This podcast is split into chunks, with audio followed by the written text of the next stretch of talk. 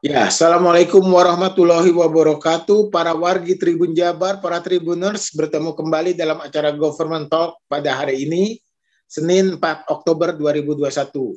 Nah, kali ini Government Talk akan berbincang-bincang tentang usaha mikro, kecil, menengah di Kota Bandung, dan khususnya program-program apa saja dari Dinas Perdagangan dan Industri di Kota Bandung untuk UMKM ini karena kita tahu selama pandemi, selama eh, PPKM yang level 3 atau PPKM darurat, kita tahu bahwa banyak usaha terpuruk termasuk UMKM apalagi. Biasanya misalkan mereka usaha kecil dapat 100 ribu sehari, nah ini hanya dapat 20 ribu atau bahkan 10, bahkan kadang-kadang sepi sama sekali. Nah, untuk membangkitkan UMKM di Kota Bandung ini, mari kita berbincang-bincang dengan Bu Eli Wasliah, Kepala Dinas Perdagangan dan Industri uh, Kota Bandung. Assalamualaikum Bu Eli. Waalaikumsalam warahmatullahi wabarakatuh, Kang Adit. Iya. Sehat-sehat ya Bu ya? Alhamdulillah, amin amin sehat. Kami Kang Adit oke sehat ya. Amin amin. Ya, uh, uh, gini Bu, ini tentang UMKM nih kita langsung saja berbincang nih. Hmm, ada terdengar kabar bahwa setelah pandemi atau artinya setelah PPKM ini mulai melandai, mulai berkurang sekali, bahwa Disdagin akan memfasilitasi UMKM untuk berpromosi, untuk berjualan di mall-mall uh, Kota Bandung. Yang kita tahu juga bahwa mall-mall Kota Bandung sebelumnya betul-betul sepi ya, bahkan ditutup begitu. Nah, ya, bagaimana betul. dengan program ini Bu? Mangga Bu. Ya, hatu nuhun Kang Adit. Uh, Bismillahirrahmanirrahim. Assalamualaikum warahmatullahi wabarakatuh. Uh, Alhamdulillah pada pagi hari ini saya dapat berbincang dengan Kang Adit di Tribun Jabar. Jadi perlu saya sampaikan bahwa tidak terasa sudah satu tahun setengah uh, pandemi COVID melanda uh, Bandung, Indonesia dan dunia ya. Dan memang uh, sangat berdampak terhadap uh, pemulihan ekonomi khususnya para pelaku UMKM di Kota Bandung. Jadi bagaimana pemerintah Kota Bandung tetap memberikan fasilitasi, memberikan pelatihan, memberikan uh, pembinaan agar uh, para pelaku UKM Kota Bandung tetap eksis, tetap semangat, tetap berkreasi, berinovasi dan karyanya tetap bisa kita nikmati gitu ya Kang Adit. Nah, ini uh, Dinas Perdagangan Perindustrian Kota Bandung memang uh, mendapat uh, amanah dari Bapak Wali Kota Bandung agar tetap hadir di saat pandemi Covid ini. Berbagai program alhamdulillah kita sudah uh, laksanakan mulai dari tahun 2020 kemarin Covid juga pada tahun 2021 ini. Uh, di antaranya mungkin uh, yang sudah kami lakukan sebelum uh, ini Kang Adit, jadi kita ada uh, pernah pada bulan April kita menyelenggarakan Bandung Hijau Festival jilid satu, di mana itu dilaksanakan di Bandung Hijau Festival jilid ke satu karena nanti ada jilid kedua di bulan Oktober. Nah pada oh, bulan April ya pada bulan April itu kita menghayat kurang lebih uh, 38 pelaku usaha pelaku uh, hijab uh, di Kota Bandung. Dan uh, dilaksanakan di atrium TSM. Alhamdulillah uh, omsetnya kita melaksanakan selama lima hari di atrium TSM ini omsetnya uh, uh, apa barokallah 2,1 miliar nah, Adit wow, ya. Jadi ini memberikan manfaat, keberkahan, kebahagiaan uh, buat para pelaku UKM Kota Bandung karena omsetnya alhamdulillah uh, menembus sampai 2,1 miliar. Itu yang pertama uh, kami lakukan uh, program pem, uh, apa fasilitasi kepada pelaku UMKM uh, di Kota Bandung dari Disdagin. Yang selanjutnya uh, juga kami ada uh, kemitraan uh, pelaku UMKM dengan toko modern, toko swalayan, Kak Adit. Jadi bagaimana pelaku UKM produk-produk UKM Kota Bandung, UMKM Kota Bandung bisa dipromosikan atau dipasarkan lewat toko-toko swalayan. Misalnya Jogja Group, uh, Indomaret, Borma, Superindo itu kami wajibkan seluruh, seluruh toko uh, swalayan yang di Kota Bandung itu wajib mempromosikan, uh, memprioritaskan produk-produk uh, baik itu uh, banyaknya ini kuliner di sini ya, makanan minuman iya. dalam kemasan. Jadi uh, untuk Borma ada 20 pelaku UMKM yang sudah memasuk ke Borma. Juga untuk Jogja Group ini ada 228. 288 pelaku UMKM yang sudah rutin memasok ke Jogja Group ya. Karena Jogja Group itu kan rajanya rajanya retail di Kota Bandung ya. Rajanya supermarket di Kota Bandung. Terus juga ada Indomaret karena gerainya juga cukup banyak ada kurang lebih 20 pelaku UMKM dan Superindo juga ada kurang lebih 12 uh, pelaku kuliner yang sudah memasok ke uh, Superindo. Nah ini dalam rangka uh, mereka tidak kesulitan uh, pemasarannya. Karena ini yang jelas pemasaran yang perlu kita bantu ya. ya. Nah uh, mungkin uh, satu lagi karena ini pemasaran itu tadi Pak Kang Adit sudah berbicara mengenai uh, bagaimana pema, uh, pemasaran atau uh, melalui offline yaitu ada kita uh, di, di sembilan pusat perbelanjaan tetapi juga kita uh, melatih digitalisasi marketing untuk pelatihan secara uh, pemasaran secara online. Nah, ini oh. perlu kami sampaikan juga Kang Adit karena pemasaran secara online itu sudah satu keniscayaan di masa pandemi Covid ini ya.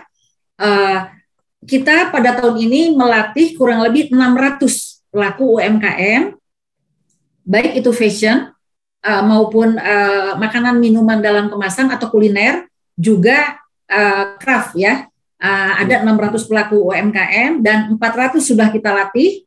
Kami bekerja sama dengan empat marketplace yaitu Shopee, Tokopedia, Blibli.com dan Grab. Jadi ada empat yang kita ajak kerjasama uh, marketplace dalam pelatihan digitalisasi marketing ini. Tinggal 200 orang lagi rencana minggu ini kita akan selesaikan uh, supaya mereka bisa uh, memasarkan produk-produknya tidak hanya secara offline tapi juga secara online. Karena ini saya bilang, saya sampaikan tadi bahwa satu keniscayaan para pelaku UMK Kota Bandung harus memasarkan uh, secara online juga gitu. Itu uh, beberapa program pemulihan ekonomi yang uh, sudah dilaksanakan oleh uh, Disdagin Kota Bandung. Nah, tadi menyambung yang disampaikan oleh Kang Adit bahwa membantu fasilitasi pemasaran untuk pelaku UMKM itu kan ada online-nya tadi sudah, Nah, offline-nya sekarang kami sedang menggelar uh, Pasar Kreatif Bandung tahun 2021 di mana ini adalah pelaksanaan tahun kedua. Tahun hmm. kedua di tahun 2021 ini, jadi pertamanya adalah tahun 2020. Jadi Pasar Kreatif Bandung itu merupakan program unggulan Dinas Perdagangan dan Perindustrian Kota Bandung berkolaborasi dengan Dekranasda Kota Bandung dengan didukung sepenuhnya oleh Asosiasi Pusat uh, Belanja Indonesia atau APPBI DPD Jawa Barat hmm. uh, dengan uh, uh, sebagai implementasi dari program fasilitasi kemitraan pelaku usaha dengan uh, pusat perbelanjaan yang dikemas dalam bentuk pameran dagang. Ini Kang Adit ya. Jadi uh, yang Adapun uh, tujuan dari dilaksanakannya pasar kreatif Bandung ini adalah yang pertama dalam rangka pemulihan ekonomi di Kota Bandung dan yang kedua adalah sebagai rangkaian hari jadi peringatan hari jadi Kota Bandung yang oh. ke-211. Jadi itu dua tujuan kami menyelenggarakan pasar kreatif uh, Bandung. Dan uh, rencananya kita akan melaksanakan di sembilan pusat perbelanjaan yang alhamdulillah sudah dimulai pada tanggal uh, kemarin di Pascal. 23 itu adalah pertama menyelenggarakan uh, apa pameran kreatif, pasar kreatif ini ya. Dan uh, melibatkan kurang lebih 252 pelaku UMKM yang kami libatkan di di sembilan pusat perbelanjaan. Jadi masing-masing di pusat perbelanjaan itu kurang lebih ada uh, 14 booth, uh, 14 sampai 15 booth diisi oleh kurang lebih uh, 28 sampai 32 pelaku usaha. Uh, dan totalnya yang kita ajak uh, ikut serta dalam uh, pasar kreatif ini ada 252 pelaku usaha. Ada uh, fashion, ada aksesorisnya, ada uh, home decor, ada makanan minuman dalam kemasan. Uh, ini Kang Adit dan melalui kurasi yang sangat ketat, 60 iya. persen pelaku usaha yang pelaku UMKM yang ikut tahun 2020, 60 persennya. Yang 40 persennya adalah wajah-wajah baru, Kang Adit yang 40 persen. Jadi kurang lebih uh, di sini ada data uh, sebentar. Nah ini ada kurang lebih datanya 151 pelaku usaha yang lama ya 2020 dan ada 101 pelaku usaha 40 persennya yang baru di mana makanan minuman dalam kemasan ini merupakan wajah baru karena tahun kemarin belum diajak serta Kang Adit. Jadi oh. baru tahun ini ya jadi baru tahun ini uh, pelaku usaha atau UMKM makanan minuman dalam kemasan baru diajak serta mengikuti pasar kreatif uh, Bandung tahun 2021 ini. Dan uh, saya perlu sampaikan kepada uh, uh, Ya Pak, para Tribun Jabar, Tribuners. Pada para Tribun Jabar ini saya sedang melihat nih datanya. Jadi uh, alhamdulillah pencapaian omset dimulai pada tanggal 17 September kemarin kita sudah uh, dibuka dan sudah berakhir di tanggal 26 September selama 10 hari masing-masing mall itu 10 hari. Oh, masing-masing. Uh, pelaksanaannya iya, 10 hari. Jadi untuk Pascal uh, 23 Pascal itu dari 17 September sampai dengan 26 September, alhamdulillah omsetnya, uh, masya Allah ya, saya merasa dan uh, berbahagia ya, karena ini uh, omsetnya 6, mencapai 670 juta 716.600 rupiah. Baik ini offline maupun online. Jadi ada online dua marketplace yang saya ajak juga, yang kami ajak, yaitu yang pertama adalah uh, Shopee, yang kedua adalah uh, blibli.com. Jadi uh, pemasaran di pasar kreatif ini tidak hanya offline tetapi juga secara online. Jadi ada dua ya, online dan offline. Dan alhamdulillah uh, untuk yang di 23 Pascal 670 juta 716.600 rupiah. Dan alhamdulillah Bapak Wali Kota Bandung, Bapak Wakil Wali Kota Bandung juga hadir uh, Ketua Dekranasda Kota Bandung Ibu Oded, Wakil Ketua Dekranasda Ibu Yuni juga Ibu Cici Emma, semua pengurus Deka juga hadir. Uh, malahan uh, tanpa kita juga Bapak Gubernur Jawa Barat, Bapak Gubernur Jawa Barat juga hadir dan Ketua Dekranasda Jawa Barat juga hadir Ibu Atalia uh, memberikan semangat, memberikan motivasi kepada pelaku UKM UMKM peserta di 23 Pasca. Dan uh, kemarin uh, Kang Adit baru selesai juga uh, tahap kedua di PVJ. PVJ baru selesai dari tanggal 24 September dan baru berakhir kemarin hari Minggu, baru ditutup tadi ya. malam, ya. Nah ini yang uh, saya juga sangat terharu karena ini menunjukkan bahwa geliat ekonomi di Kota Bandung uh, sudah mulai uh, bangkit kembali. Uh, para uh, warga-warga masyarakat Kota Bandung juga mencintai produk-produk para pelaku UKM Kota Bandung karena omset di VVJ selama 10 hari ini alhamdulillah mencapai 884 juta 283 283 ribu 28 rupiah.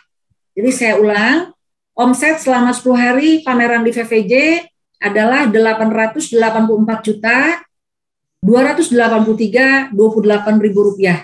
Total dua uh, mall yang sudah melaksanakan pasar kreatif yaitu Pascal uh, 23 Pascal dan VVJ berat totalnya omsetnya alhamdulillah ya Allah uh, saya berbahagia sekali dan uh, memberikan apa ya uh, mudah-mudahan ini sangat memberikan keberkahan kebahagiaan bagi para pelaku UMKM Kota Bandung itu satu miliar 554 juta 999.628 ribu rupiah jadi saya ulang, Kak Adit, 1 miliar 554 juta 999 628 rupiah. Itu alhamdulillah. Dan sekarang sedang berjalan di King. Ya, di King Center. Ya luar biasa Kak Adit. Alhamdulillah ini yang saya pakai nih produk uh, Pala Nusantara. Ini yang baru kemarin jualan di ini di PVJ.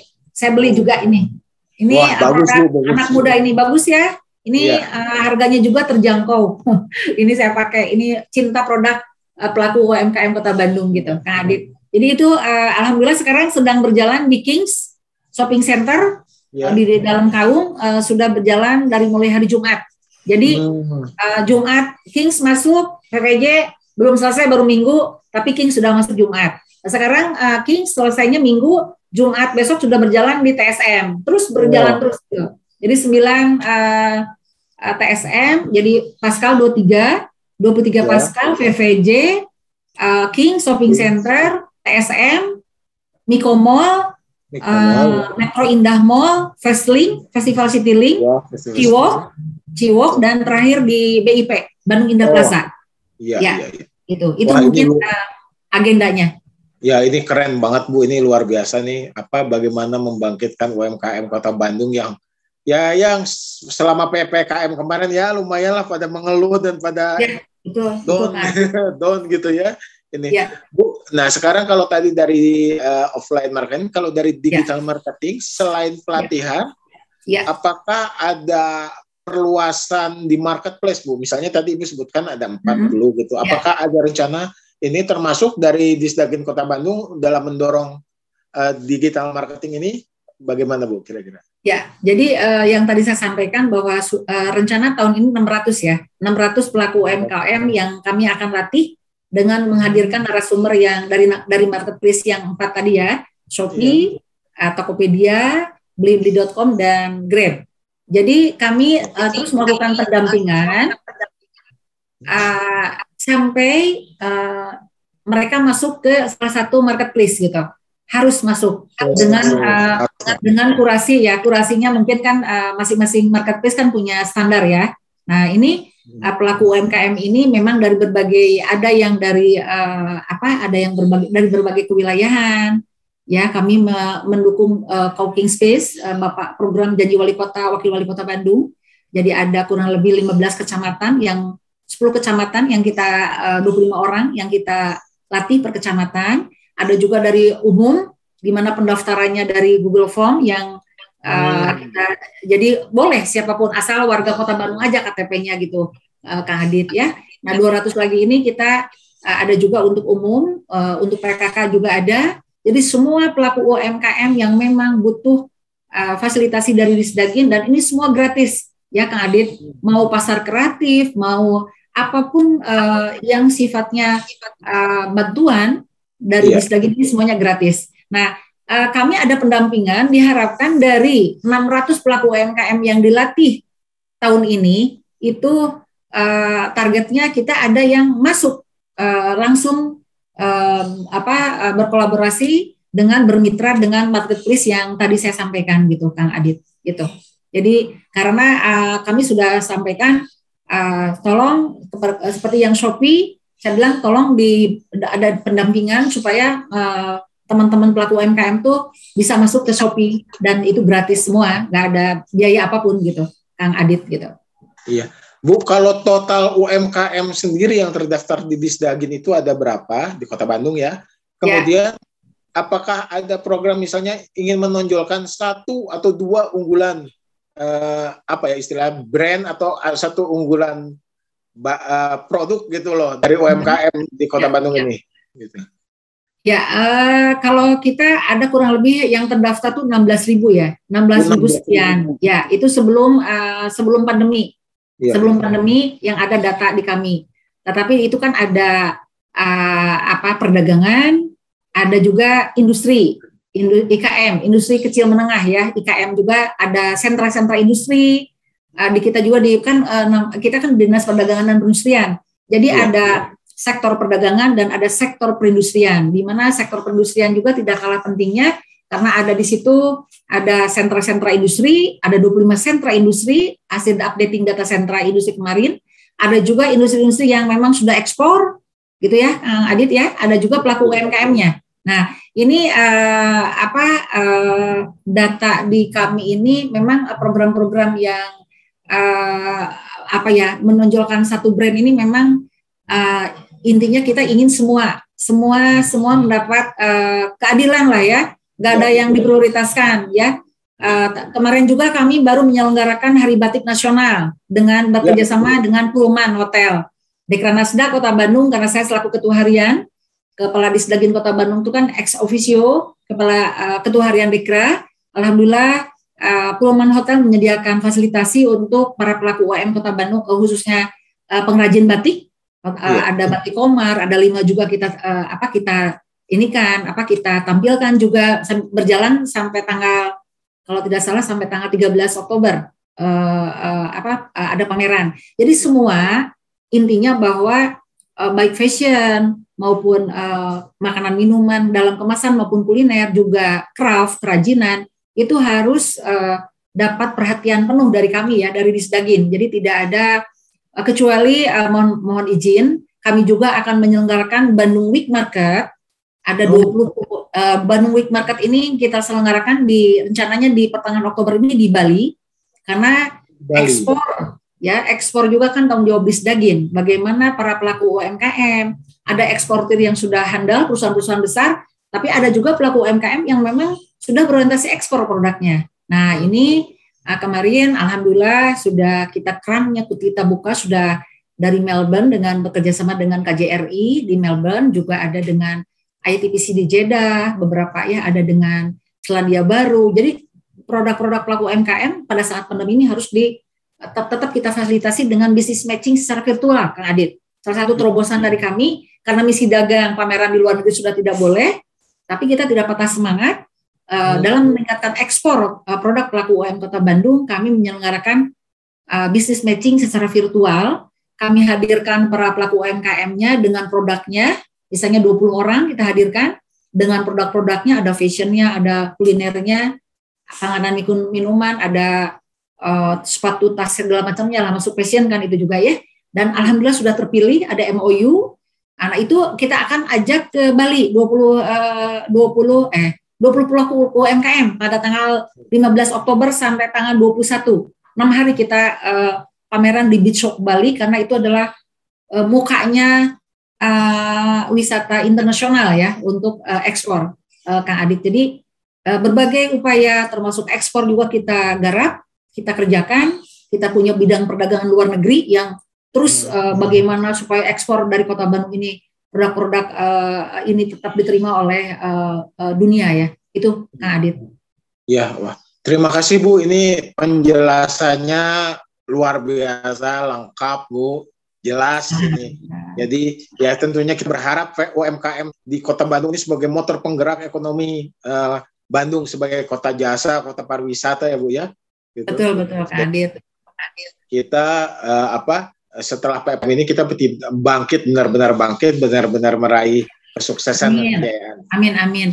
Kang Adit ada satu lagi ini yang penting mohon izin sebentar. Ada fasilitasi untuk pelaku UMKM uh, eh, khususnya kuliner di Kota Bandung yang berKTP Kota Bandung. Ada ya. satu lagi fasilitasi halal, sertifikasi halal ya. Oh, ya, ya. Ini kalau sendiri bayarnya kan dua setengah juta ya.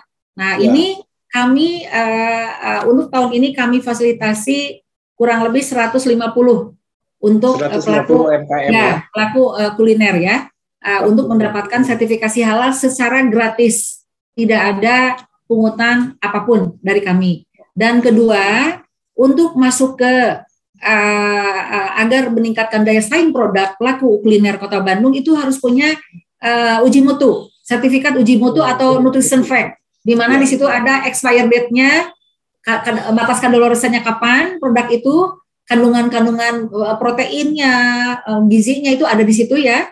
Nah itu kalau mau dipasarkan di uh, uh, untuk ekspor juga mau dipasarkan di toko swalayan itu harus punya uh, PIRT, ada halal, ada nutrition fact, batas kadaluarsanya kapan. Nah, ini sangat penting Kak Adit dan ini uh, nutrition fact tahun ini kita akan fasilitasi sebanyak 79 pelaku usaha kuliner dan tiap tahun kita ada. Jadi mangga untuk yang pelaku kuliner uh, Kota Bandung berKTP Kota Bandung uh, silahkan mendaftarkan uh, ke Disdagin Kota Bandung tetapi untuk tahun ini sudah ditutup sedang dalam proses dan baru dibuka lagi untuk tahun depan gitu. Kalau tahun depan itu pada bulan apa Bu dibuka kembali Bu? Biasanya kemarin kalau tidak salah bulan April kita oh, buka. Ah, ah, Maret April. Maret April sudah dibuka, silakan uh, ya. mendaftarkan karena uh, kita juga terbatas ya uh, ininya apa kuotanya. Uh, jangan tapi uh, alhamdulillah uh, kita merasa berbahagia karena salah satu uh, apa fasilitas yang dibutuhkan oleh pelaku UMKM di saat pandemi ini adalah seperti itu halal kan kalau bayar sendiri dua setengah juta kasihan kan kalau iya, nutrition ya, fact tuh kalau tidak salah sekitar 1,5 apa 2 juta gitu nutrition fact ini jadi kalau uh, total general fasilitasi dari Disdagin untuk uh, uh, standarisasi ini itu kurang lebih empat empat setengah juta ya uh, bantuan satu orang gitu kalau ada yang halalnya dapat uh, nutrition fact-nya juga ya uji mutunya juga uh, mengajukan gitu Kang Adit. Iya.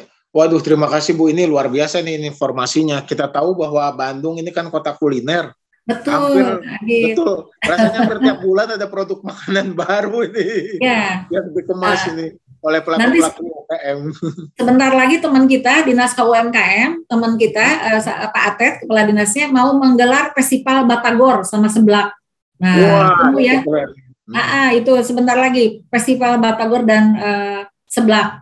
Itulah nanti ditunggu uh, Pak Atet kemarin sudah kita berbincang dengan Bu Kenny juga kan ini tiga dinas yang uh, bahu membahu lah ya untuk bagaimana uh, pelaku UMKM di Kota Bandung menggeliat kembali uh, apa uh, uh, ekonomi di Kota Bandung uh, menggeliat kembali karena tahun kemarin kan kita ter, uh, terkoreksi uh, apa ya cukup dalam ya minus 2,28 persen akhir 2020 itu. Nah 2021 ini kita uh, sinergitas program di antara dinas-dinas uh, pelaku apa ya uh, leading sektor uh, pemulihan ekonomi ini harus terus uh, bersinergi gitu program-programnya kan Adit ya. Ya Bu betul Bu. Ya, ke, ke Bandung tanpa makan batagor atau seblak belum ke Bandung gitu ya. Bukan ke Bandung. Jadi kayak apa ya? Eh te, ya, te, kan te, te Abdol apa internya? Belum Abdol ya. ya belum Bandung Abdol ya. ya. batagor seblak ya. belum Abdol. Karena sarang baso, meren sarang mie baso ya. Tambahan mie baso. Iya. Mie bakso ya. sekarang udah mulai banyak berjualan nih Bu. Iya iya iya Kang Adit mohon mohon ya. Ya. ya. Ya. Ibu Eli hatur nuhun pisan, terima kasih sekali atas bincang-bincangnya pagi ini bersama Tribun Jabar ya. Uh, ya jadi bagi uh, para tribuners, para wargi Tribun Jabar demikian penjelasan dari Ibu Eli Waslia, Kepala Dinas Perdagangan dan Industri Kota Bandung. Nah, ini adalah kesempatan bagi para warga Tribun Jabar, para tribuners untuk menikmati, untuk membeli produk-produk UMKM Kota Bandung karena mereka juga harus dibangkitkan dan dari pemerintah sudah uh, memberikan banyak fasilitas termasuk ada fasilitas halal, fasilitas nutrition fund.